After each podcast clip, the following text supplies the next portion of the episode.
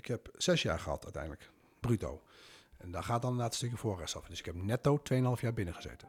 Je hoort Hilal Makouki. Hij was in een vorig leven bankier bij een grote bank. En daar verveelt hij zich zo dat hij, op zoek naar uitdaging en spanning, terechtkomt in de drugs. Hij noemt zichzelf een middenboef. Te groot voor de kleintjes en te klein voor de grote. Hij wordt gepakt en dan is de vraag: lukt het hem om zijn leven ten positieve te keren?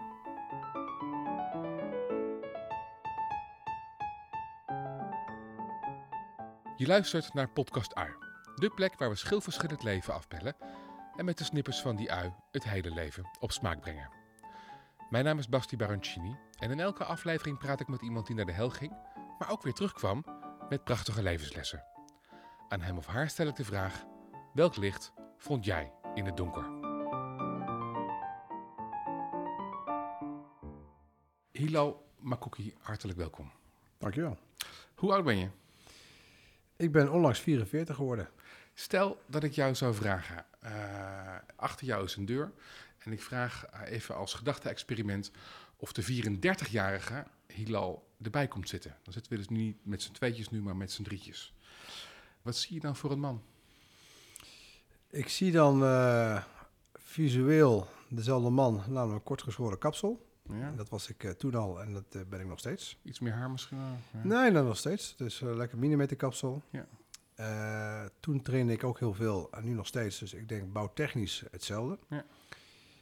Wel heel erg nog bezig met mijn carrière. In die zin, ehm, toen was ik nog bij de bank werkzaam. Net wel, net niet. Als bankier? Als bankier inderdaad.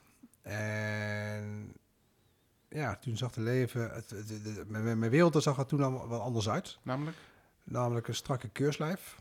Namelijk, je werkt bij de bank, dus eh, je wordt toen wel geacht om eh, ja, altijd eh, zwart-wit te denken. En wel de, de ideale keurslijf, de ideale schoonzoon. Zwart-wit als in? eh, Maar goed, eh, wel of niet kan. Hè? Dus, want je Ja. werkt bij de bank, dus je bent de hele dag bezig om dingen te toetsen. het is ja of nee? Ja. Het is ja of nee. En Strak in het pak, stropdas aan. Ja, ja, Ja. ja. oude stempel. Dus ik had toen ook, eh, ik ging toen in de leer ook bij een auto, oud, oud bankiers. Dus die hebben me echt wel gedrild. En veel van geleerd, ook dankbaar. Ja. En een hele andere wereld. Dan Toen- zit die Hilal van 34, die zit daar nog steeds. Ja. Als je hem in zijn ogen kijkt, wat zie je dan? Dan zie ik iemand die niet op zijn plek zit. Dan zie ik iemand die ambitieus geworden is, omdat hij zich graag wilde laten zien dat hij het ook kan. Eh, bij de bank toch een stukje aanzien heeft genoten, of ziet, of heeft, eh, maar niet op zijn plek zit. Zou je hem ook waarschuwen? Zou je tegen hem zeggen van, hey, blijf op het rechte pad? Ik zou hem wel waarschuwen, maar de Zo- Hilal van 34 is dan ook zijn eigen wijs om te zeggen van, nou, bedankt voor je tip. En toch ga ik het doen. Had een klap geholpen? Even een... eh, Ehm, ik denk een klap niet, maar wel de consequenties. De consequenties. En nou, als ik inderdaad terugkijk in de tijd, dan hebben sommige dingen een reden in, in het leven. Hm. En dit is er ook een geweest. Van Ja. nou, hey, eh, ik noem het altijd wel, ik sla misschien een paar stappen over. Laten we even het beestje bij de naam noemen. Je hebt Ja. in de criminaliteit Ja. gezeten. Was je een grote of een kleine boef? Ik was een middenboef. Een middenboef. Ja. dus eh, te groot voor de kleintjes en, eh, te gro- en te- klein voor de grote. Ja. Vaak zie je dat eh, jongetjes eh, klein beginnen. Die stelen een keer een tasje. Dan gaat er een keer een autoruit in. Dan bezorgen ze een keer een pakketje ergens. En zo, als je dan niet gepakt wordt en de beloning is groot genoeg...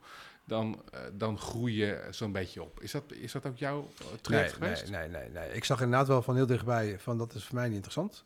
Eh dan ga ik mijn vingers niet aan branden. En dat heeft dan ook te maken Is dat zo rationeel als je 11, 12 bent? Eh, nou, ik heb natuurlijk wel een vader die met me meekeek. Hè? Want ik zat toen eh 12, 13. Natuurlijk, ik was ook wel een boefje. En natuurlijk ook wel eh, een blikje gestolen. En natuurlijk ook wel eens eh, een brandje gestoken. En ook wel een keer fiets meegenomen, omdat ik eh, geen vervoer had. Maar het was meer dat opstandige. Ja. Dat was meer een beetje dat rebelse. Ja. Dus daar zat niet echt een criminele drive achter. Van, hey, ik, ik, doe het voor, omdat ik eh, geen eten heb of dat ik geen, eh, geen geld heb. Ja. Het was meer van een stukje eh, rebelse. Oké. En als je dan kijkt van, goh, wat heeft me dan later getriggerd om het toch te doen, of wat te doen, hè, dan was het voornamelijk een stukje nieuwsgierigheid, het ondernemerschap. Eh, ja, ik zag er ook een stukje onderneming in. Dacht, Laten we even benoemen wat er is gebeurd. Je werkte bij een bank. Ja. Dat betekent dat je, eh, ik neem aan, een keurige HBO-opleiding hebt afgerond. Ja. Eh, dat is, zal iets, iets in de economie zijn, bedrijfskunde. Nou, even een stap terug. Ik heb bij de bank heb ik een traject doorlopen, namelijk vier jaar lang, drie dagen in de week eh, werken bij de bank en twee dagen in de week fulltime HBO, ja, welke dus- bank was dat? de SNS-bank. Ja.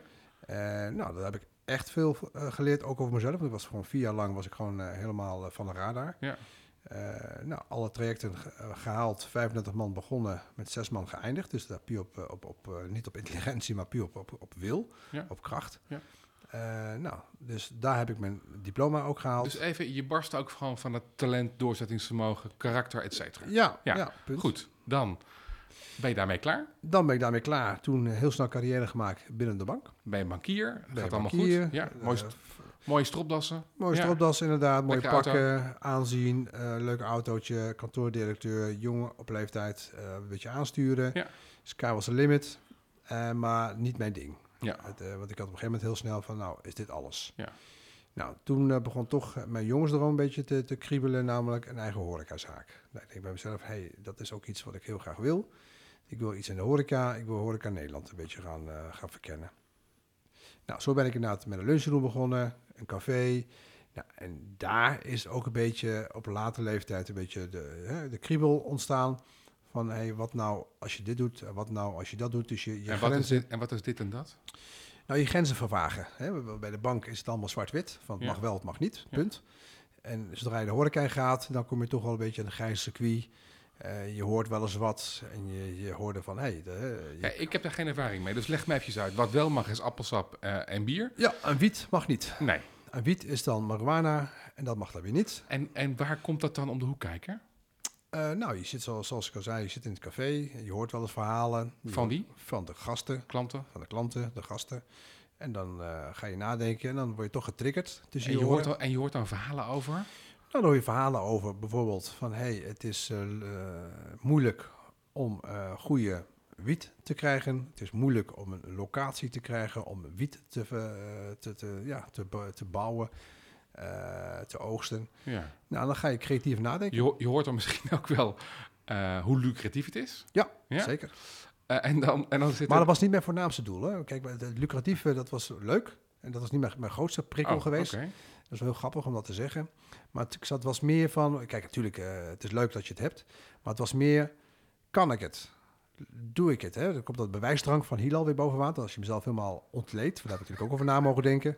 Dus je zegt nu echt letterlijk, het was niet om geld te verdienen, maar het was een, het was een eh, uitdaging. Het was de uitdaging. Van, hè, ik heb een bepaalde... Is het een uitdaging in ondernemerschap Ja. of uitdaging hoe kan ik onder de radar blijven? Nou, uit- uitdaging en bewijs. Hè, want eh, hè, laten zien dat ik het ook kan. Laten zien dat ik eh, de, de puzzel, namelijk hoe krijg je een mooie locatie voor een stukje... eh, Had dat ook als er iemand in het café had gezeten die- had gezegd het is verschrikkelijk moeilijk om jonge profvoetballers te vinden? Had een, Als dat me had getriggerd inderdaad, als dat de hele dag mijn omgeving was geweest, dan was dat mijn trigger geweest. Ja. even terug weer naar het café. Ja. Eh, dan heb je dus mensen die een zakelijke uitdaging beschrijven, namelijk Ja. hoe kom ik aan locatie en, en hoe kom ik aan goede drugs. Ja. En dan denkt Hilal, dat moet ik misschien maar eens niet doen. Nou, dan denkt Hilal, wikken en wegen, eh, wiet wel gedoogd, maar het mag niet. Ja. Nou, dan komt dat recalcitrant weer. Van ja, beste overheid, ja, jullie gedogen het wel, maar het mag niet. Dus die scheidslijn is een beetje dubbel. Nou, dan kom je in een interne strijd van, hey, ik verkoop ook alcohol en sigaretten en tabak. Nogmaals, ik ga niet goed praten, maar dat was toen de tijd eh, mijn, mijn, mijn, mijn, mijn spagaat. En dan ga je denken van, nou, om het voor jezelf uit te kunnen leggen, want ik moet natuurlijk ook een vrede mee hebben. Van ja, als dat mag, dan zou dat ook kunnen. Eh, dan heb je daar iets minder moeite mee. Dus dan komt dat zwart-wit Dat is, het recht, vervaagd. dat is een beetje het recht praten. Ja, precies. Ja, Dan- je, dan- je vervaagt, dan- je gaat kom echt in de praten, tuurlijk. Goed. En, eh, Wat is dan de eerste stap die je neemt? dan is de eerste stap eh, verkennen. Hè, dat was wat je eigenlijk als, als bankier ook doet. Je gaat marktonderzoeken. Wie zijn de spelers? Wat speelt er? Wat levert het op? Ja. Wat wel, wat niet? Wat zijn de ervaringen? Dus jij was niet, sorry, jij was dus niet een, een prutser die eventjes in een slaapkamertje wat ging doen. Nee, ik ging echt kijken van, nou, net zoals ik bijvoorbeeld, eh, een heel mooi voorbeeld. eh, ik ben zelf geen bierdrinker of ik drink ook zelf geen alcohol. Nou, misschien heel hard wat ik nu ga zeggen. Maar ik had wel een café. Ja. Eh, nou, Het is gewoon zakelijke kansen. het is een hele zakelijke Dus je ging dat marktonderzoek doen en wat Ja. kwam daaruit? Nou, dan kwam dus uit dat als je daar mee bezig wilt zijn, dan heb je mensen nodig die daar ook verstand van hebben. Eh, en die dienden zich in het, in het café. En want, eh, s ochtends kwamen de mensen die bijvoorbeeld de locaties hadden, namelijk een makelaar die zei, of, een, of iemand die een woning had. En zei, joh, ik heb een woning ik kan er niks mee, want ik wil het verkopen. En lastig, moeilijk, lastig. En s'avonds kwamen de jongens die zeiden van, nee, ik zoek een locatie, want eh, ja, ik, eh, ik moet mijn wiet ergens eh, eh, in oogsten. En heel simplistisch, dat is eigenlijk wat ik toen deed, een beetje vraag en aanbod bij elkaar brengen. Heb je zelf ook dingen gedaan daarin die niet, eh die niet klopten of was je echt alleen maar een bemiddelaar? Ik, was, nou, ik was dus eh, bemiddelaar en ik had een deel. Zet je, eh, en zette je jezelf ook die plantjes neer? Nee, nee, je nee. ging ook niet te toppen en...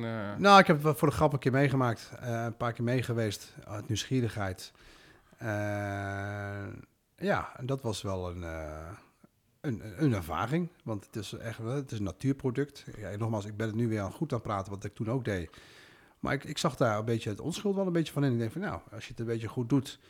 en dan gaat misschien de overtreffende stap... als je het hebt over kwaliteit, als je het hebt over eh, een stukje zorg dan wist ik ook wel datgene wat wij toen de tijd maakten, dat het ook wel van A-kwaliteit was en dat er geen rotzooi in zat. je, bent ook een, je bent ook een fascinerende kerel. Je had ook met dit verhaal bij de Intratuin kunnen gaan werken. Klopt. Ja. Alleen Intertuin was er al. Ja. Oh, ja. En dat is natuurlijk de, de, de, overtreffende de, de uitdaging. Eh, en ik zag daar ook nogmaals de uitdagingen van in. Van, hey, daar, daar, Hoeveel planten had je staan?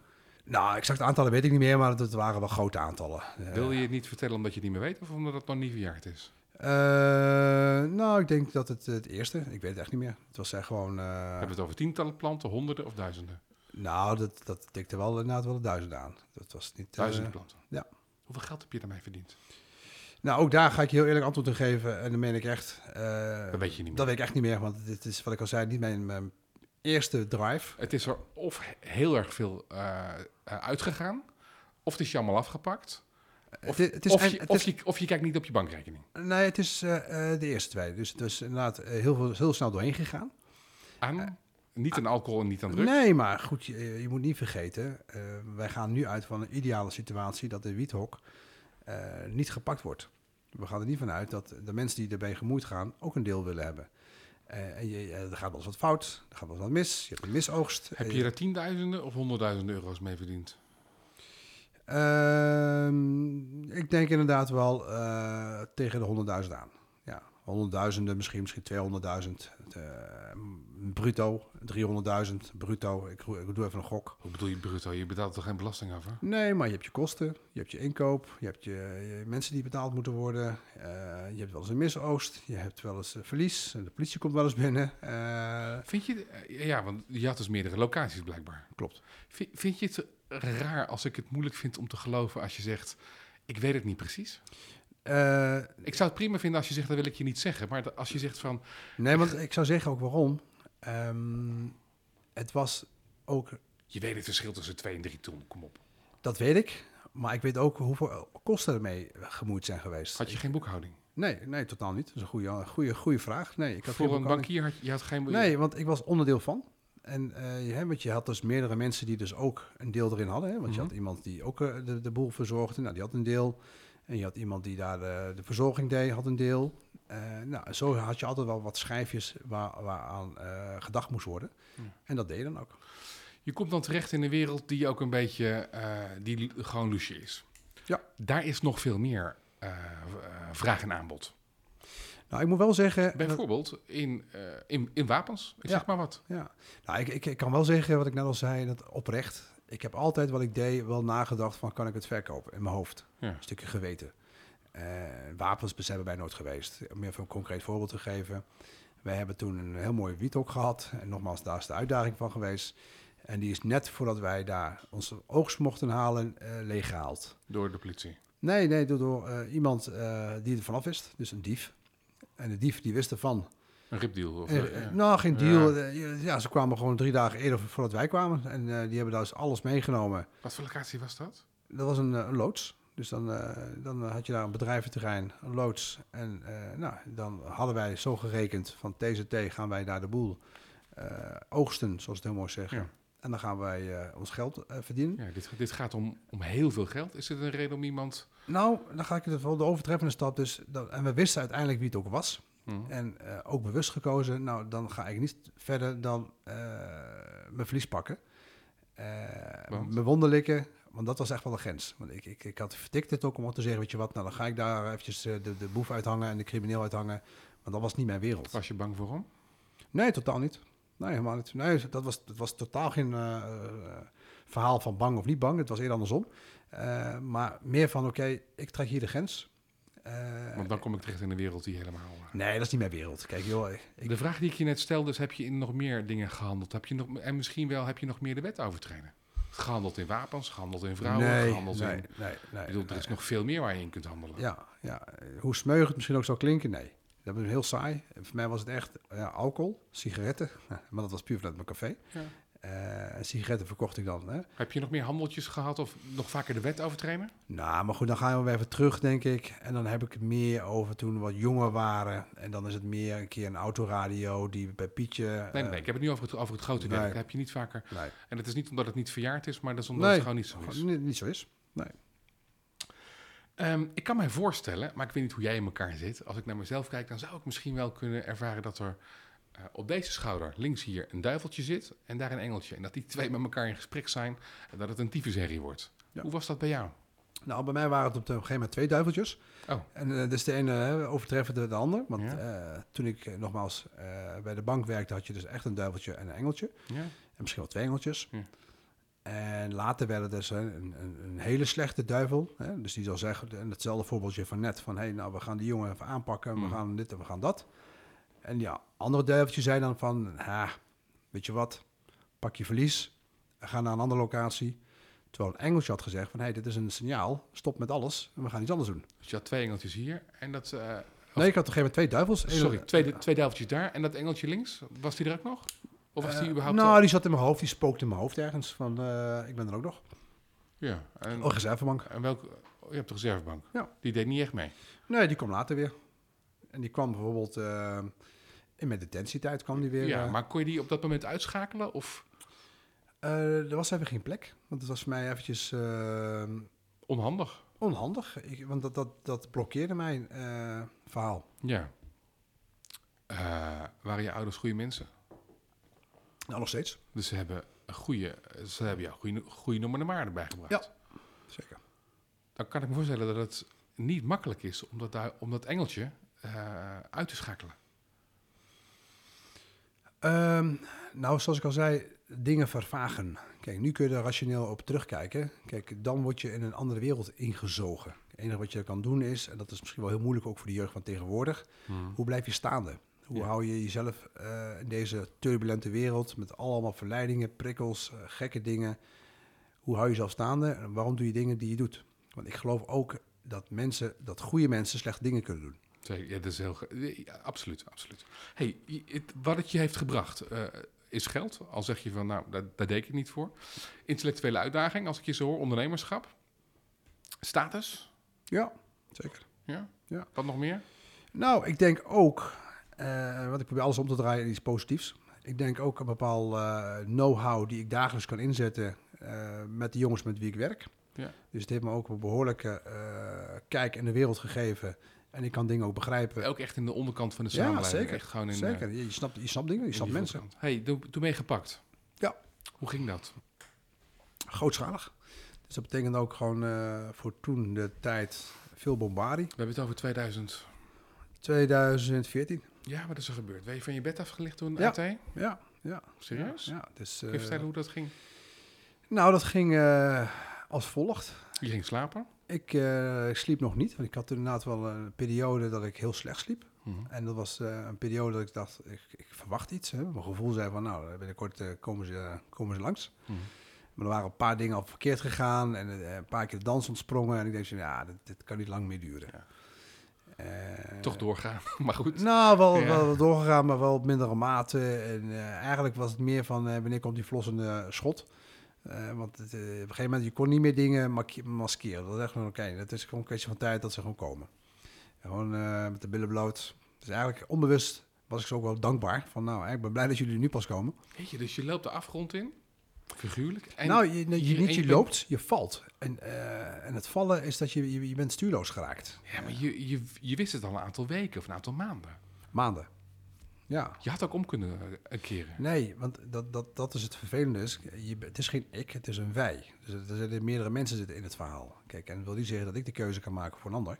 Kijk, ik zat in diverse verhalen. Dus op een gegeven moment, ja, dan, hè, zoals het verhaal vaker zeggen, eh, je komt er niet meer uit. Je zit in een, in, een- in, een- in een, een bepaalde wespennest eh, waar iedereen in zit. En ja, je wordt er toch weer ingezogen. Goed, dus je ligt in bed, s'avonds. S ochtends, S s ochtends. ochtends, ja. En eh, nou, ding dong dong. Dus, eh, Bellen ze aan? Bij mij gelukkig wel. AT belt niet aan. Nou, ik moet zeggen, deze jongens hebben keurig uh, keihard de deur ingetrapt. En eh, keurig gewoon wel niet met heel veel geweld met deur geforceerd. Achteraf bleek ook dat ze daar ook een soort inventarisatie op hebben losgelaten. Van hoe gevaarlijk ben ik eigenlijk. Eh, dus dat geeft ook aan, eh, want als ze echt met wapens eh, te maken zouden gehad, dan, dan zou er een hele andere inval zijn geweest. Dat hoorde je. Achteraf? je hoort dat, dat het arrestatieteam je deur ehm, intrapt en dan?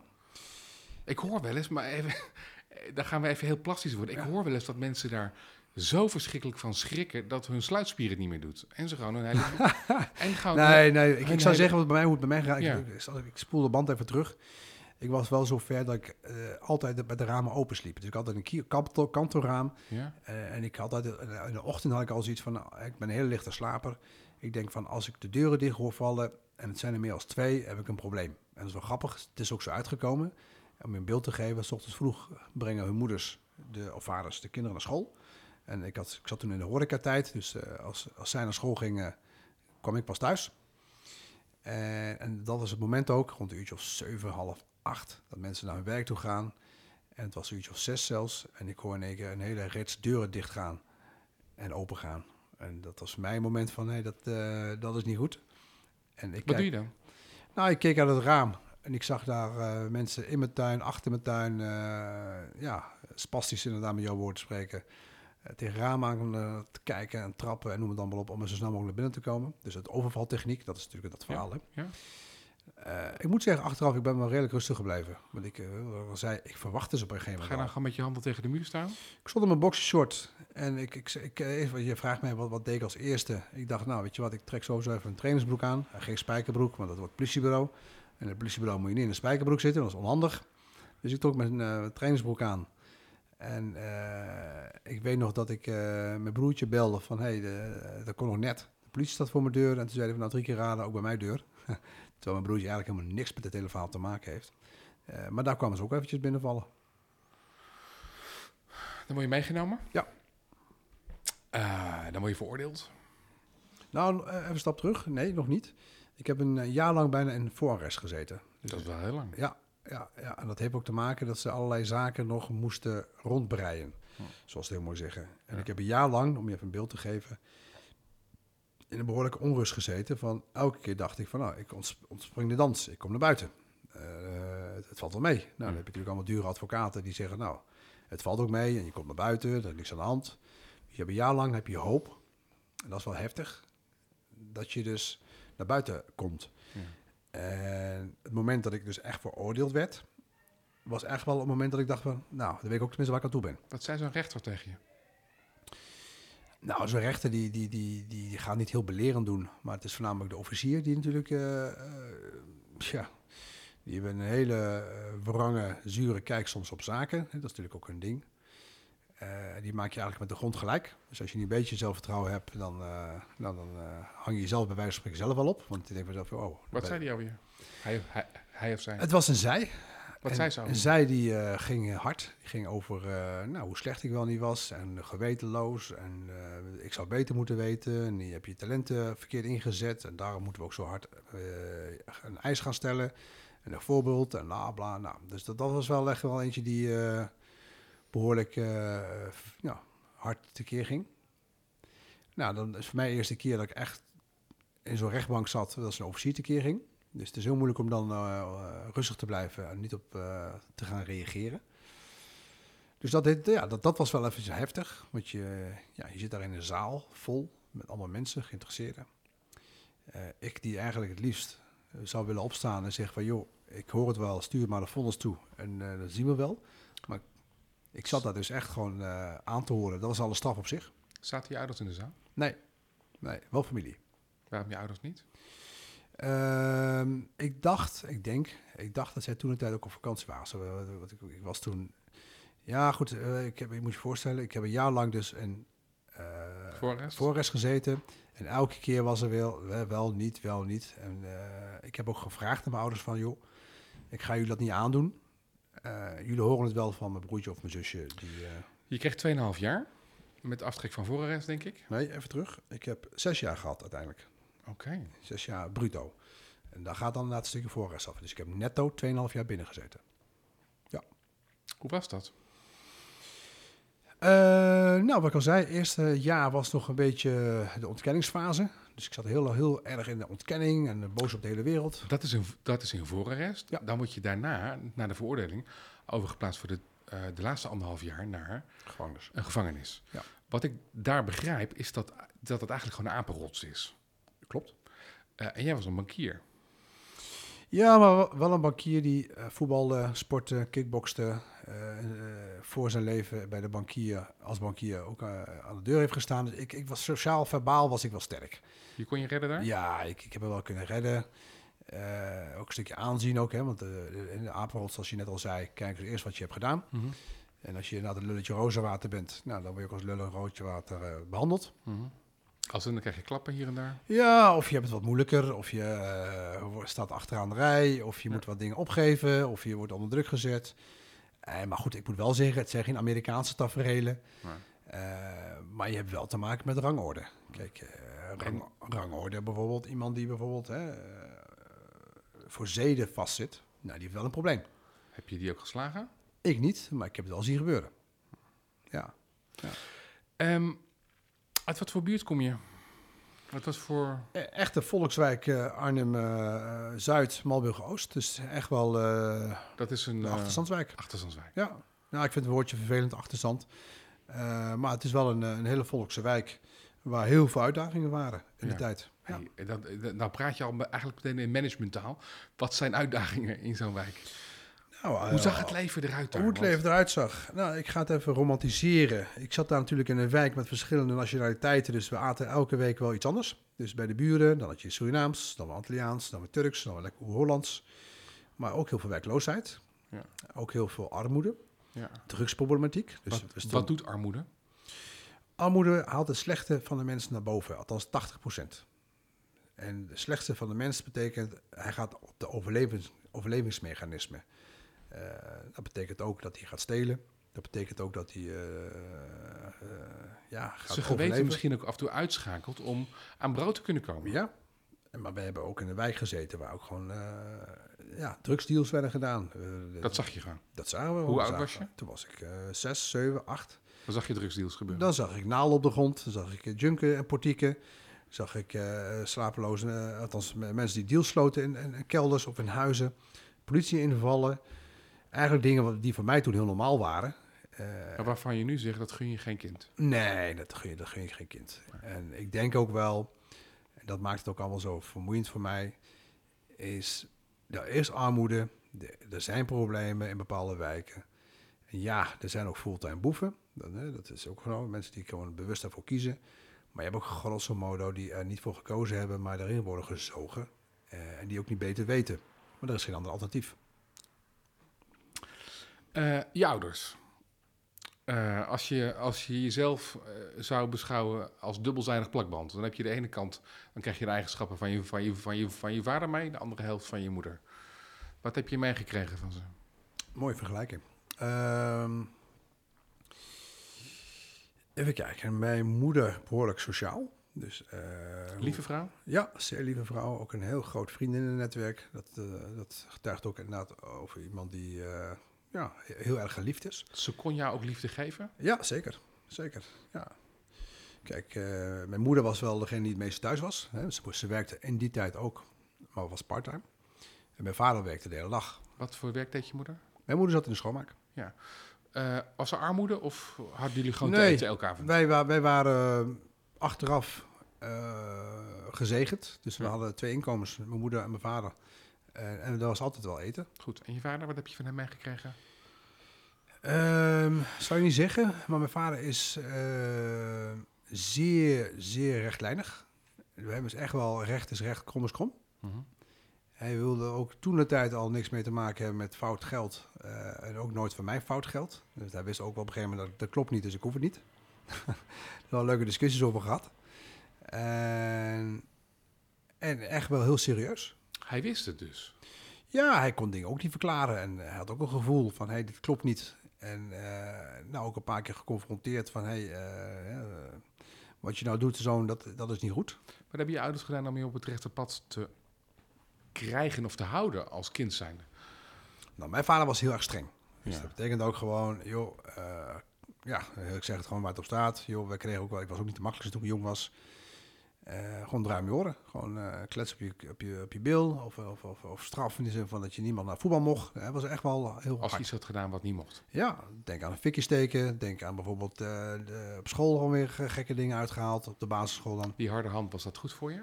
Ja, ik denk het wel. In die tijd wel. Ik denk... eh, Ja, nu niet meer. Nee, maar ik denk ook als je het bijvoorbeeld op een late leeftijd op een gegeven moment de harde hand krijgt. Hè, zoals mijn vader altijd, als als we nu wel eens zeggen, hard waar het kan en zacht waar het moet. Of althans andersom. Ha- zacht waar het eh, kan en hard waar het moet. En mijn moeder was inderdaad wel eh, degene die met de mantel der liefde alles oploste. En mijn vader was echt wel, dat was misschien dat stemmetje van hey, als ik het doe, dan moet ik het zo doen dat hij er nooit achter komt. Want dan heb ik een nog groter probleem. Een concreet voorbeeld. We gingen voetballen. We schoten wel eens een een bal door het raam op schoolplein. En dan was het keihard wegrennen. Want niet zozeer omdat het hè, dat het probleem was, maar eh, ik had meer een probleem. Als mijn vader erachter kwam, dan had ik een probleem. Dus eh, als ik het gebeurde, dan moest ik altijd wel eh, verbloemen dat hij er niet achter kwam. Ja, dat was een kat en muisspel. Ja. Ja, we hebben het net over de gevangenis. yes. Je hebt een jaar in voorarrest doorgebracht en dan nog anderhalf jaar in de gevangenis zelf. De hoop is vaak, of de intentie, dat mensen daar beter uitkomen. De praktijk leert dat dat lang niet altijd het geval is. Sterker nog, dat het nog wel eens een broedplaats kan zijn. Jij kwam er goed uit. Toch? Goeie vraag. Toch? Oh, Nou, goed uit in die zin van, ik was wel enigszins eh, beschadigd in de zin van dat ik wel teleurgesteld was in, in heel veel dingen. in, in Denk- wat? In het systeem? Nou, systeem, maar denk ook aan eh, vrienden, eh, denk ook aan parttime vrienden. Eh, sorry, eh, dat ze niet langskwamen of wat? Nou, maar gewoon de teleurstelling. Hè. We hadden een bepaalde erecode. Hè. Dat- Als je het dan over boeventaal. Ja, We dachten allemaal van als je binnen zit, dan, eh, dan zullen er bepaalde mensen ook gewoon opstaan voor je. Nou, dat viel achteraf allemaal wel mee. Het was allemaal weer eh, Ieder voor zich. ieder voor zich, ikke, ikke, ikke. En aan de andere kant positief verrast van mensen die in één keer eh, om de hoek kwamen kijken. Dus die inderdaad opstonden in de tijden dat ik het eigenlijk nodig had. En nodig had, je moet je wel voorstellen, ik ben geen type die zijn handje ophoudt of vraagt om hulp. Wie, wie waren er voor je? Nou, eh goede vriend Tony was wel een, eh, een, een hele mooie voorbeeld die inderdaad ook wel eh, van zich liet horen en ook langs Die kwam, die kwam langs bij je. Ja, zeker. Eh, nou, ik heb bijvoorbeeld... En wat deed hij dan? Zoals zijn, vingertje opsteken? Of nee, nee, totaal niet. Of, Nou of, ja. of nee luisteren was? Nee, gewoon er zijn. Dat betekent gewoon, eh, nee, zeker niet met het vingertje. Hij weet ook wel dat daar niet de behoefte is op dat moment. Maar eh, goede vrienden Masha, eh nou, andere vrienden en familieleden die langskwamen. En wat deed ze met je? Wat, wat, wat, ra- wat raakte dat zo in je? Nou, je was weer mens. Hmm. Dus je moet je van- voorstellen, in plaats van een gevangene. Want je moet je voorstellen, als jij in een systeem zit waarbij je eigenlijk heel kort wordt gehouden. Ja. Waarbij als intelle- ja, intellect word je eigenlijk de hele dag verteld van alles wat je doet, daar moet je toestemming voor vragen. Dat, dat, dat is heftig. Eh, dan moet je je voorstellen, dan ben je een vrije geest. En dan heb je altijd het voor het zeggen gehad. En dan kom je in een celletje van 12 vierkante meter. Ja, net zo groot als deze kamer waar we zitten. Dan kun je het een beetje visualiseren. 12 vierkante meter, dat is niks.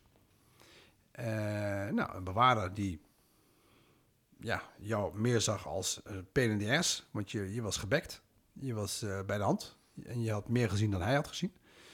Aan de andere kant een directrice van de gevangenis... die met jou allerlei leuke dingen ging optuigen. Want ze dacht van, nee, dat is iemand waar ik wat mee kan.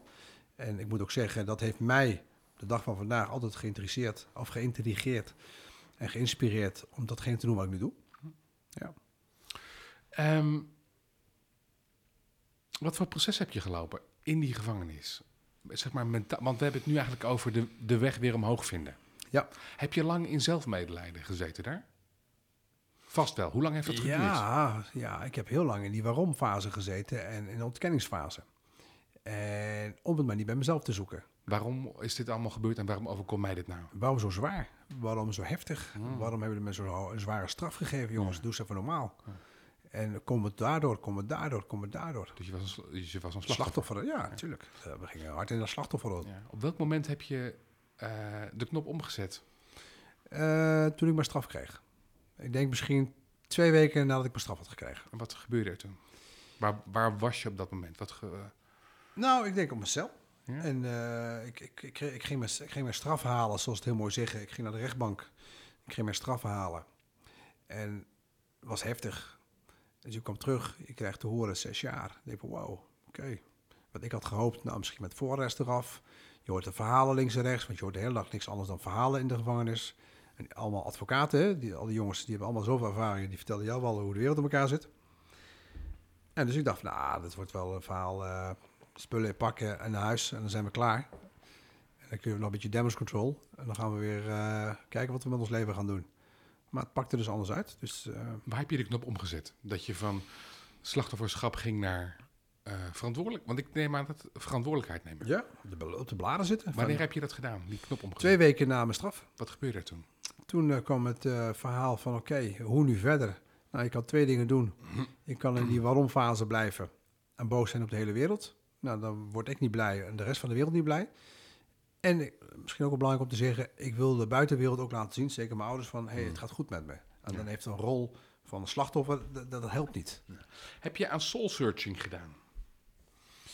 Ik heb wel een, een, behoorlijke strijd of een behoorlijke zoektocht intern gehad. Ja, En dan heb je het eigenlijk over, eh, nou ja, eh, eh, wat is er mis met mij? Of waar heb ik verkeerde afslagen ge- genomen? Welke antwoorden kwamen daarop? nou, ik was meer bezig met hoe kom ik hieruit. Kijk, want als je Je met hebt, dus, je, je hebt geen analyse gemaakt van wat er mis is gegaan. Nou, kijk, dan, dan ga je hem heel zakelijk bekijken. En dan zeg je weer, goh, ik ben gepakt.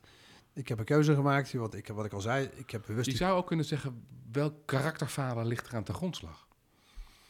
Nou, ik Waar denk... in mezelf was ik zo zwak dat ik eraan toegegeven heb. Ik, ik, ik, ik, ik leg er maar een paar op tafel. Hè? ehm, Maar als je meteen naar de oplossing gaat, dan sla je misschien een stap over. nee, want ik heb al een jaar lang heb ik dat proces al gehad. Hè? Dus als je hem eventjes terugpakt. Ik heb een jaar lang in de, in de ontkenningsfase gezeten. En ik heb gezegd van, nou oké, de hele wereld de schuld geven behalve mezelf. Ja. Nou, op een gegeven moment had ik zoiets van, nou, dat is het dus niet. Mhm. Pak hem zoals het is. Op de bladen zitten en verder. Ik heb ook bepaalde dingen een plek gegeven. Van nou, het systeem is niet eerlijk. Het systeem is ook anders. En ja, we hebben inderdaad gewoon twee werelden soms.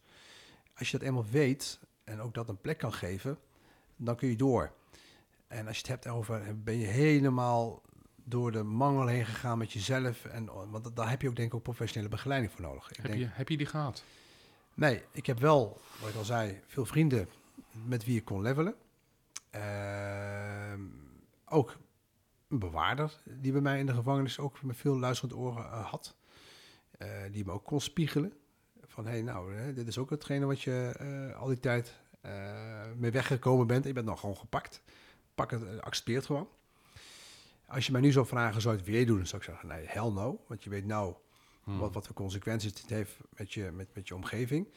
En niet te vergeten, ik had ook nog twee opgroeiende kinderen. Dus ik had ook zoiets van, ik moet hier sterker uitkomen, want ik heb nog twee kids. Wat heb je geleerd over jezelf in, eh, door dit alles? Nou, even een mooi voorbeeld. Gaan we terug naar die jongen naast me, die 34-jarige Hilal. Hè? Ja. Die, eh, die zit naast mij. Die zit er nog steeds bij Die zit nog steeds hier. Dat is wel leuk. Dat is een mooi vergelijk ook. Ja. Echt, eh, maar waarvoor mij dank. Want die zou echt wel eh, op zijn eer getrapt voelen. Eh, schande, schaamte, eh, trots. Van hoe kan je nog gepakt worden, sukkel. Eh, ja, je hebt toch hersens, verkeerde mensen om je heen. Dus niet hoe kun je nou gepakt worden? Of, dus, dus hoe kun je nou gepakt... En dus niet hoe kun je dit nou doen? Nee, maar vooral de waarom. Dat, Ja. dat- hij zou heel veel in de waarom blijven zitten. Hmm. En de- hoe ik nu ben geworden is van oké, het is gebeurd, hoe gaan we verder? En dat is echt wel een stukje omdenken. En dat heb ik wel geleerd mijn detentie, het vooral het omdenken. Wat heb je geleerd over de wereld? De wereld is hard. En dat is allemaal heel cliché wat ik nu zeg. Hmm. Eh, maar nog steeds mooi. Eh, en er zijn nog steeds kansen. En er zijn nog steeds mensen die ook kansen geven. Mhm. Eh, en de wereld is lang niet zo verdord zoals mensen het soms doen laten geloven. Wat ik geleerd heb inderdaad, is zoek het ook verder. Zoek het ook elders. Eh, zoek gelijkgestemden. En wat ik ook geleerd heb, wees zuinig met je energie. Want je kan niet met al je energie iemand proberen te veranderen... of aan Mm. een vriendschap werken of aan een relatie werken... eh, wat het toch niet gaat worden. Dus je leert heel snel rationeel denken. Dus minder emotioneel, meer rationeel. Dat is misschien niet zo leuk om te vertellen... maar dat betekent ook dat je soms gewoon wikt en weegt. Eh, is het iemand die ik toelaat in mijn netwerk of niet? Dus je bent heel selectief. Wat je ook heeft opgeleverd, dit hele, eh, nou ja, mag ik het zeggen, gedoe, of hoe zou je het willen omschrijven? Avontuur. Av- Ja, maar dat is het ook. Het is echt een avontuur. Wat het je heeft opgeleverd is ook eh, een soort van nieuwe baan, of een nieuwe manier van eh, je geld verdienen. Nou, even terug, vind ik een leuke vraag. Ik zat dus inderdaad in, in de periode van ik kom uit gevangenis, wat ga ik doen? Ja. Ik had altijd gehoopt, hè, we blijven onder de radar. Maar ja, het was nationaal nieuws bijna. Iedereen wist het eh, in, eh, in, mijn, in mijn stad. Van ja, hoe ga je hier uitkomen? Dat Had je eventueel nog terug kunnen gaan de criminaliteit in, of was dat geen optie? was wel een optie, zeker wel. Want je, Oh, echt waar? Ja, natuurlijk. Je, je, je, zit in de gevangenis, eh, open universiteit, zoals ik altijd zeg. Dat betekent ook, je hebt allerlei andere eh, Netwerken. netwerken en eh, andere eh, inspiraties of whatever. Goed, ter- terug. Je, je kwam eruit en je dacht, wat moet ik nou? Wat moet ik nou? En ik wilde weer gaan ondernemen. Ik was wel heel rationeel van, nou, eh, als ik ergens ga solliciteren, dan gaan ze me VOG vragen. Hè, verklaring omtrent gedrag. Kan ik niet overleggen, zeker niet bepaalde belangrijke posities. Nou, dan moet ik weer de criminaliteit in. Nee, ik dacht bij mezelf, weet je wat? Fuck it. Sorry voor het woord. Ik draai hem gewoon om. Ik zeg, jongens, dit heb ik gedaan. En nu? En we gaan ermee aan de slag. Nou, zo ben ik eigenlijk het verhaal verder gaan omarmen en handen en voeten gaan geven. En ik zag dat heel veel jongens eh, in de gevangenis die stoeiden. Er komen 25.000 eh, gevangenen per, jaar vrij, 30.000 zelfs. of 30.000. Eh, hoeveel daarvan gaan aan het werk? Eh, nou, dan moet ik even CBS-cijfers erbij pakken. Dat, dat kan ik altijd wel. Een kwart. Een kwart gaat aan het werk, een kwart onbekend en 50% in de uitkering. Ja. Heftig, hè? Dat klinkt niet positief. Nee. nee. En de recidive? Eh, ook weer 50% binnen twee jaar. Dat is heel hoog. Ja, dat is heftig. Dus wat belangrijk is, is dat mensen aan het werk gaan. Ja, Wat doe jij? nou, wij laten ze landen. Want je zegt heel terecht, ze moeten snel gaan werken, maar ook niet te snel. Hm? Sommige mensen moeten gewoon nog even echt landen. Hm. Die hebben nog allerlei issues waar ze mee zitten. We nou, we hebben net een beetje eh, geschetst. Eh, Je hebt een soort uitzendbureau gemaakt. We hebben een, nou niet een soort, we hebben echt een uitzendbureau gemaakt. Dus het is ook geen geitenwolle sokken. Het is echt Ja. gewoon eh, een uitzendbureau. Dus de werkgever betaalt ook echt een tarief. Ja. Eh, wij noemen het ook een uitzendbureau plus. Dat betekent ook dat de jongens ook een stukje begeleiding krijgen bij ons. Ja. Eh, as long as it takes. Dus eh, even een heel praktisch voorbeeld. Er is iemand die in de gevangenis zit, die was ooit dakdekker. Ja. Dan bel jij een dakdekker op en zegt, ik heb hier iemand die iets gedaan heeft en die wil bij je komen werken. klopt, precies dat. En dan zegt een werkgever, nou, doe maar iemand zonder strafblad. Ja, maar goed, dat kan hij vier, vijf keer zeggen. Maar wij zijn dus zowel ondernemend ingesteld dat we wel op de juiste knopjes weten te drukken bij zo'n ondernemer, dat hij hem toch nog een kans geeft. En hij is tweeledig. Zo'n jongen die vanuit zijn schaamte, vanuit zijn manier van eh, Mhm. denken, niet meer durft te solliciteren. Want als je tien keer nee hoort, dan denk je bij de elfde keer ook, nou, eh, de groeten. Dus dat halen we ook al bij hem weg. Dus dat betekent ook dat wij, dat wij de werkgevers al voorbereiden. En de werknemer eigenlijk al, eigenlijk in plaats van 3-0 achter, eigenlijk op 1-0 voorsprong zetten. Want hij komt al aan tafel. Dat is wat we doen. Mensen bemiddelen. Eerst helpen met vaardigheden opbouwen Ja, en daarna nodig. proberen te plaatsen. Ja. Je doet geen moord en verkrachting. Eh, en zeden. Nee, Ja, verdienen ja. die mensen geen tweede kans? Vast. Eh, maar ook daar moet ik wat zakelijker in zijn. Je bent gewoon commercieel, je bent geen stichting, gewoon... ja, maar je moet ook iemand de hulp kunnen bieden. Kijk, iemand die eh, een verkrachting of een zeden heeft gepleegd, heeft een hele andere hulpvraag dan iemand die bijvoorbeeld een wiethok heeft gehad. Of iemand die als een autodief door het leven is gegaan. Die heeft, die heeft een heel ander soort problematiek. Eh, die, dat kunnen wij niet bieden. En wij moeten het ook wel kunnen verkopen aan een werkgever. En iemand die bijvoorbeeld voor zeden vastzit, is lastiger om hem dan te plaatsen. En de energie, zoals ik net al zei, eh, is eenmalig. Dus als je met dezelfde dosis energie tien jongens kunt plaatsen in plaats van één jongen met een zeden, ja, dan is die keuze snel gemaakt. Dat is gewoon een commerciële afweging. Ja. Wat is jouw, jouw etnisch-culturele achtergrond? Eh, nou, ik ben van Marokkaanse origine. Ja. Eh, ik spreek vloeiend Arabisch ook. Ja. Ik ben geboren en getogen in Nederland. Ja. En als je mij vraagt etniciteit, dan zal ik zeggen gewoon lekker wereldburger. Want ik, zoals ik al zei, ik ben opgegroeid in een eh, multiculturele wijk. Ja, er zit ook iets ide- idealistisch in jou. En ik Ja. ga toch ook even vragen naar de praktische kant. Mag. Welk aandeel had dit Marokkaanse eh, aspect van jou in wat je gedaan hebt? Ehm, nou, ik denk misschien wel, dat is een heel mooi voorbeeld. Ik denk de best of two worlds. Het ondernemende vanuit het Nederlands, dus, hè, het Nederlandse ondernemerschap. Ja. Dus het, eh, het wikken en wegen, eh, risico's en, en, en doen. En de Marokkaanse lef, dus de, de, de brutaliteit, de, de, de, passie, de, de, ja, de cojones, dus de echte de durf. Dus Ja. de- die combinatie heeft het eh, eigenlijk ver- ja, verklaard. Dat- ja, de, de, de, wat je niet noemt is dat ehm, een grote groep Marokkanen ook minder kansen heeft gekregen. Klopt. Bijvoorbeeld door discriminatie, Ja. door lage sociaal-economische status. Bijvoorbeeld ook door lagere schooladviezen. Ja, klopt. Dus dat is natuurlijk ook een heel groot deel in die verklaring misschien. Ja, nou, dat weet ik wel zeker. Ehm, maar ik moet het bij mezelf houden. Kijk, en ik ben geen voorstander om alles over één hoop te gooien. Wat, Eh, ik, nou ja, wat ik hoor is dat je heel erg probeert het bij jezelf te houden. En ik wil het juist een beetje bij je vandaan halen. Door ook te kijken naar de rol van de maatschappij hier. Want die is er wel. Jij Ja, kunt wel zeggen, kijk, eigen verantwoordelijkheid nemen. Maar nee. die is er wel degelijk. Ja, kijk, en dat zeg ik ook dagelijks tegen de jongens. Kijk, ik heb, als ik, heb ik, nou- misschien hebben we er te weinig tijd voor, maar als, je, als ik jou vertel wat bij mij allemaal verkeerd gegaan is in mijn resocialisatie, hè, dus dat mensen die daarvoor betaald werden, eh, waren, dat die eigenlijk bezig waren om mij nog slechter eh, vanaf te laten komen. Omdat je Marokkaans bent? Nee, omdat ze gewoon. En de, eh, ja, inderdaad, misschien een gebrek aan eh, inlevingsvermogen. Dus Ja. dat ze niet weten wat er speelt. Maar ook aan eh, gebrek aan professionaliteit, onkunde. misschien een beetje gefrustreerd. Dus ik snap die jongens ook wel. Die Heb jij het gevoel dat je echt minder kansen hebt gehad? Als, als Ja, ja. iemand van de, van de Marokkaanse groep? ja, zeker. Hoe kun je, dat, kun, je dat, kun je dat uitleggen? Concreet voorbeeld. Ik moest stage. En dat, dan heb ik het over eh, heel lang geleden, in mijn mbo-periode. En nou, ik ging mijn best doen op stage. Het was toen al. En nou, ik heb toen stage kunnen vinden via mijn school. Op eigen voeten lukt het niet. En dat ging nooit meer. En daar heb ik nu nog een redelijke goede band mee. Dat was toen een internetprovider. En die zei tegen mij, Hilal, einde van mijn stage. eh, ik had een leuke co- connectie met hem. Hij zegt, joh, weet je hoe jij voorgesteld bent? Ik zeg, hoe dan? Eh, Nou, ik weet nog precies dat de leraar, decaan, die verantwoordelijk was voor je stage, die heeft ons gebeld. En, en dat ze dus een bijzondere situatie hadden, een bijzondere eh, jonge man met een krasje. En toen was ik nog dus helemaal gewoon nog schoon schoon. Hè? Dus ik had dus helemaal niks aan, krasjes eh, op, opgelopen. En zo werd ik al voorgesteld. En wat was het krasje dan volgens je decaan? Mijn achtergrond. Dus een Marokkaanse achtergrond. Dus jouw Marokkaanse voornaam en je Marokkaanse Ja. achternaam en je Marokkaanse eventueel paspoort. Ja. Dat nou, ik heb een Nederlands paspoort. Oké, maar dat werd gezien als een krasje. Ja, ja. Inderdaad.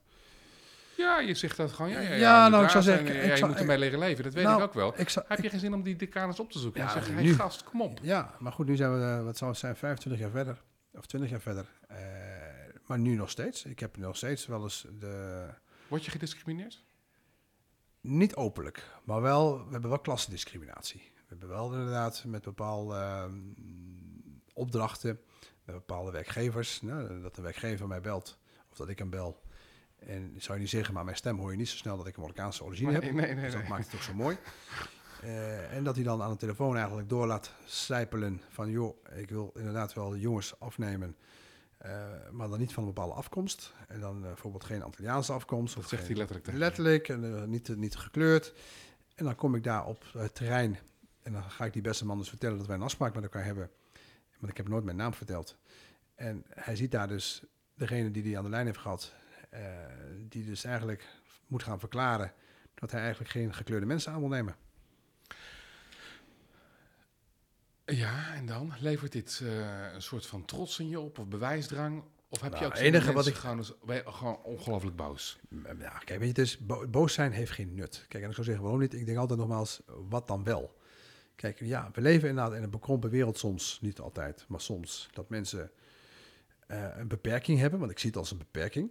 Iemand die zo denkt, heeft een beperking, heeft helaas niet de goede ervaring. Ja, maar dat is ook zo. Hij is zelf gehandicapt, heeft zelf een arbeids- een afstand tot de, de echte wereld. Eh, maar er is nooit iemand geweest die hem het tegendeel heeft kunnen bewijzen. Dus ik zie het ook als een uitdaging. En dat klinkt allemaal idealistisch. En natuurlijk word ik wel eens boos, maar dan ga ik de sportschool in en dan ben ik het kwijt en dan ga ik weer door. Ehm, maar het is heel verleidelijk om daarin mee te gaan in zo'n negatieve spiraal.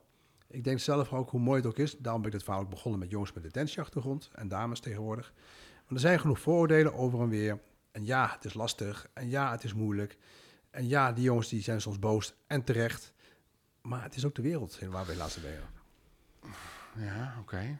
Ja, Misschien ben ik wat te rechtlijnig in mijn, eh, in mijn hoofd. Dat zou kunnen, maar dezelfde flexibiliteit die je hebt gebruikt eh, om dingen te rechtvaardigen die niet klopten, diezelfde mentale flexibiliteit gebruik je nu eigenlijk om iets wat ook niet klopt. We hebben god non u, artikel 1 van de grondwet, daar staat in je mag niet discrimineren. Ja.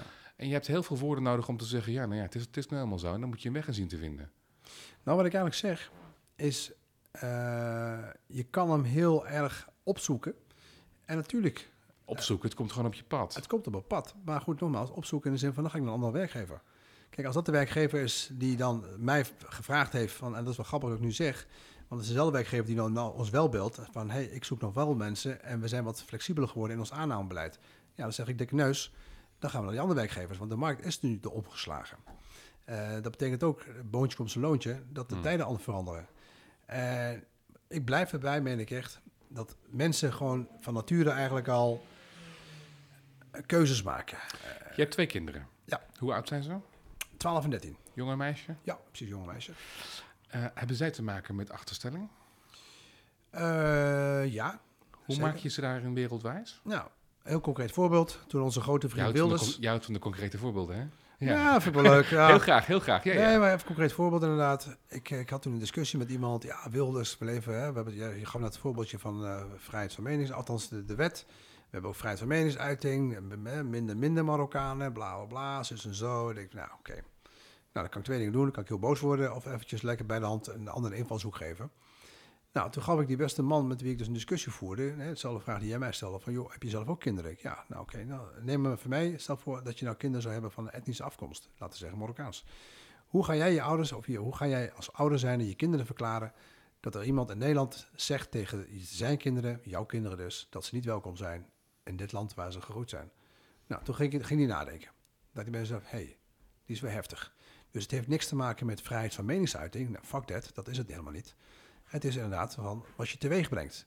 Nou, terugkomend naar jouw vraag van wat, hè, hoe breng jij je kinderen, dan ga ik dat gesprek met mijn kinderen aan. En dan heb ik het ook van jongens, eh, hè, we leven soms in een oneerlijke wereld. En natuurlijk wil je kinderen zo lang mogelijk een pure wereld voorschotelen. Hmm. Maar je kan ze ook weerbaar maken van... Is het moeilijk om ze te vertellen dat ze er mogen zijn hier? Nee, ik zeg dat die gozer die dat zegt gewoon een pannenkoek is. Dat die gewoon weg moet. En eh, dat het gewoon een kwestie van tijd is dat de mensen wakker worden en zeggen van... joh, dit is een, dit is, dit is een clown. Dat zeg ik tegen ze. Kijken we toch nog ook even naar de Marokkaanse groep zelf. Ja. Want eh, er is eh, inderdaad sprake van discriminatie, achterstelling, en, et cetera. Je zou kunnen zeggen dat er in de groep zelf ook iets zit wat niet functioneert. Wat is dat? Nou, ik vind het lastig om, om als een, een hele grote groep of een- op, op, op, op- als één geheel te zien. Maar grosso modo zijn er Gewoon, nee, maar patronen die gewoon niet werken, Ja, blijkbaar. kijk, maar dan, dat, dat heeft meer met de mens te maken. Het heeft zelfreflectie, zelfspiegeling. Is dat in die groep Ja, minder maar- dan... Minder eh, trots. Hè? We, we, zijn een heel trots volk. Trots is een motherfucker, hè? Ja, is, is, is, is, een slechtste raad, eh, raadgever. Is, is killing. Is de devil. Want het zorgt ervoor dat je niet meer... Je zoekt bij een ander. Hm? Je zoekt alles bij een ander. En niet dat dat doet je reflecteert minder. Dus eh, even terug naar die apenrots. Een heel concreet voorbeeld weer. Dat vind je leuk. maar we hebben, we, hebben, een- we hebben een meneer, laten we hem noemen Ali. Ali is helemaal afgetraind. Twee meter, spierballen. eh, heeft altijd in de gevangenis gezeten. En met spierballen altijd zijn gelijk gekregen. Want mensen durfden hem niet te vertellen hoe de wereld in elkaar zat. Eh, ging werken. En dat weet ik nog steeds heel goed. Hij belde mij zondag op. Van, hey, ik ben zenuwachtig. Eh, morgen ga ik werken. Noem het allemaal op. Nou, is gaan werken. Nou, stijgerbouwer, past precies bij zijn, bij zijn bouw. Nou, het ging hartstikke goed. Op een gegeven moment belde hij me helemaal overstuur op. Van ja, ik ga die jongen dit doen en ik ga hem dat doen en ik ga hem aandoen en bla bla bla bla. Ik zei, wat is allemaal aan de hand? Hij zei, ja, hij loopt me hier te dissen, hij loopt me hier verschut te zetten. Nou, Nou, is goed. Ik daar naartoe, gesprek met hem gevoerd. Nou, wat blijkt nou? Hij had zijn evaluatiegesprek met zijn leidinggevende. En zijn leidinggevende, drie koppen kleiner, vertelde hem eventjes eh, dat hij het niet goed deed. En dat bepaalde dingen beter moesten. Dus hij voelde zich op zijn grote teen getrapt, Hmm. op zijn trots. Nou, dan heb ik Ali dus moeten vertellen van... hé, hey, luister eens, hij heeft dat dus niet gedaan in bijzijn van anderen. Hij zei, dat klopt. Heeft hij het gedaan één op één? Dat klopt ook. Ik zei, nou, dan heb ik nieuws voor je. Deze beste man wil verder met je. Want hij wil jou feedback geven, dat noemen we Mm. feedback... om met jou verder te gaan. Er zijn dingen die je gewoon beter moet doen. Dus hij dacht nog steeds vanuit zijn oude manier van denken... apenrots, trots, trots, trots, trots. Ik word aangevallen. Nou, en dat kennen ze niet. Terwijl hij hem eigenlijk kwam helpen. Juist, kijk, en dat is uh, teruggekomen op je vraag van waar wij soms een gebrek aan hebben, is de vermogen, het vermogen om te zelfreflecteren en ook dingen aan te nemen. Want trots is gewoon lastig, is gewoon fucked up. We hebben het over veerkracht. Um, je hebt het gered, je hebt het gehaald, waar andere uh, jongens misschien ook zijn omgevallen. Of al misschien al niet eens meer leven. Ja. Um, welke bronnen in jou hebben ervoor, inspiratiebronnen, hebben ervoor gezorgd dat jij het gered hebt? Uh, geloof, zeg ik uh, volmondig. Welk geloof? Dat is... ik, ben, ik ben islamitisch, moslim. Ja? ik haal daar heel veel inspiratie ook uit. mijn ouders natuurlijk, hè. mijn kinderen, als je het hebt over waar, waar, je, waar je het voor doet. Maar ook met trots. Ik gaf net aan dat trots een hele verkeerde is, maar je kan hem ook omdraaien. En voor, en voor je laten werken. Voor je laten werken. En wat doet het dan voor je? Namelijk doorgaan waar verliezers stoppen. Dat zijn, dat zijn in mijn ogen winnaars. Uh, niet opgeven. Ja. Uh, maar je kan hem ook omdraaien van oké, okay, weet je wat? Ja, ik ben tien keer gevallen, ik ben gevloerd, ik ben getrapt, ik ben uh, achtergesteld. Ik ben het, mm. ja goed, ik zeg dat, ik, ik, zie dat gewoon als één grote wedstrijd. En, en dan gaan we maar weer een hindernis aan. Het gaat erom dat je één keer vaker opstaat. Vooral ja. opstaan en, de eind, en, en vooral de, de finishlijn. Hè? Keep your eyes on the ball. Mag ik nog één laatste vraag stellen? Inderdaad over dat geloof wat je benoemt. Wat haal je daaruit? Of is er een speciale zin of een, of een citaat of iets van uh, de profeet... Waar, waar je echt veel kracht uit hebt gehaald? Nou, er zijn er heel veel. Maar ik denk, als je hem heel plat slaat... is alles gebeurt met een reden. Is, is dat wat in de Koran staat? Ja, alles, alles gebeurt echt met een reden. En uh, daarom het woordje waarom moet je loslaten, want het, het, heeft een reden. En voor jou op dat moment is het gewoon einde, misschien wel een mooie tip inderdaad. Misschien is het op dat moment voor, voor jou, voor iemand, uh, dat het einde van de wereld er is. Maar de wereld ziet er een week later heel anders uit. Want het heeft echt wel een reden. En ik ga niet alles daarmee uh, bagatelliseren, maar voor mij heeft het heel erg geholpen. Hilal Makouki, dankjewel. Nou, ik wil jou danken. Dankjewel. Graag gedaan.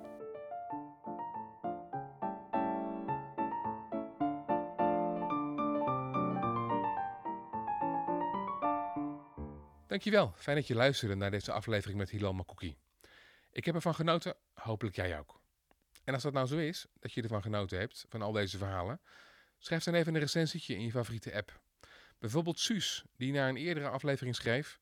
Het raakt me enorm, een prachtig interview. Ik weet zeker dat ik hem nog een paar keer ga luisteren. Heel graag gedaan, Suus. En dankjewel voor je tekstje. Dat helpt mij om beter in de algoritmes gevonden te worden voor andere luisteraars. In de aflevering van volgende week hoor je Lenneke Vente. Ze lijdt aan een chronische ziekte, maar is desondanks 100% in staat om de moraal hoog te houden. Dus dat geeft wel aan, ik zat in zo'n modus van go en gaan. We hebben het hele weekend feest gevierd, want ik dacht, ja, stel dat het maandag mis is. Ik heb nog nooit zoveel champagne gedronken als die zaterdagavond. Dacht, dan ga ik er ook uit met een klapper. Volgende week vrijdagmorgen hoor jij het verhaal van Lenneke Vente in deze podcast-app. Tot dan!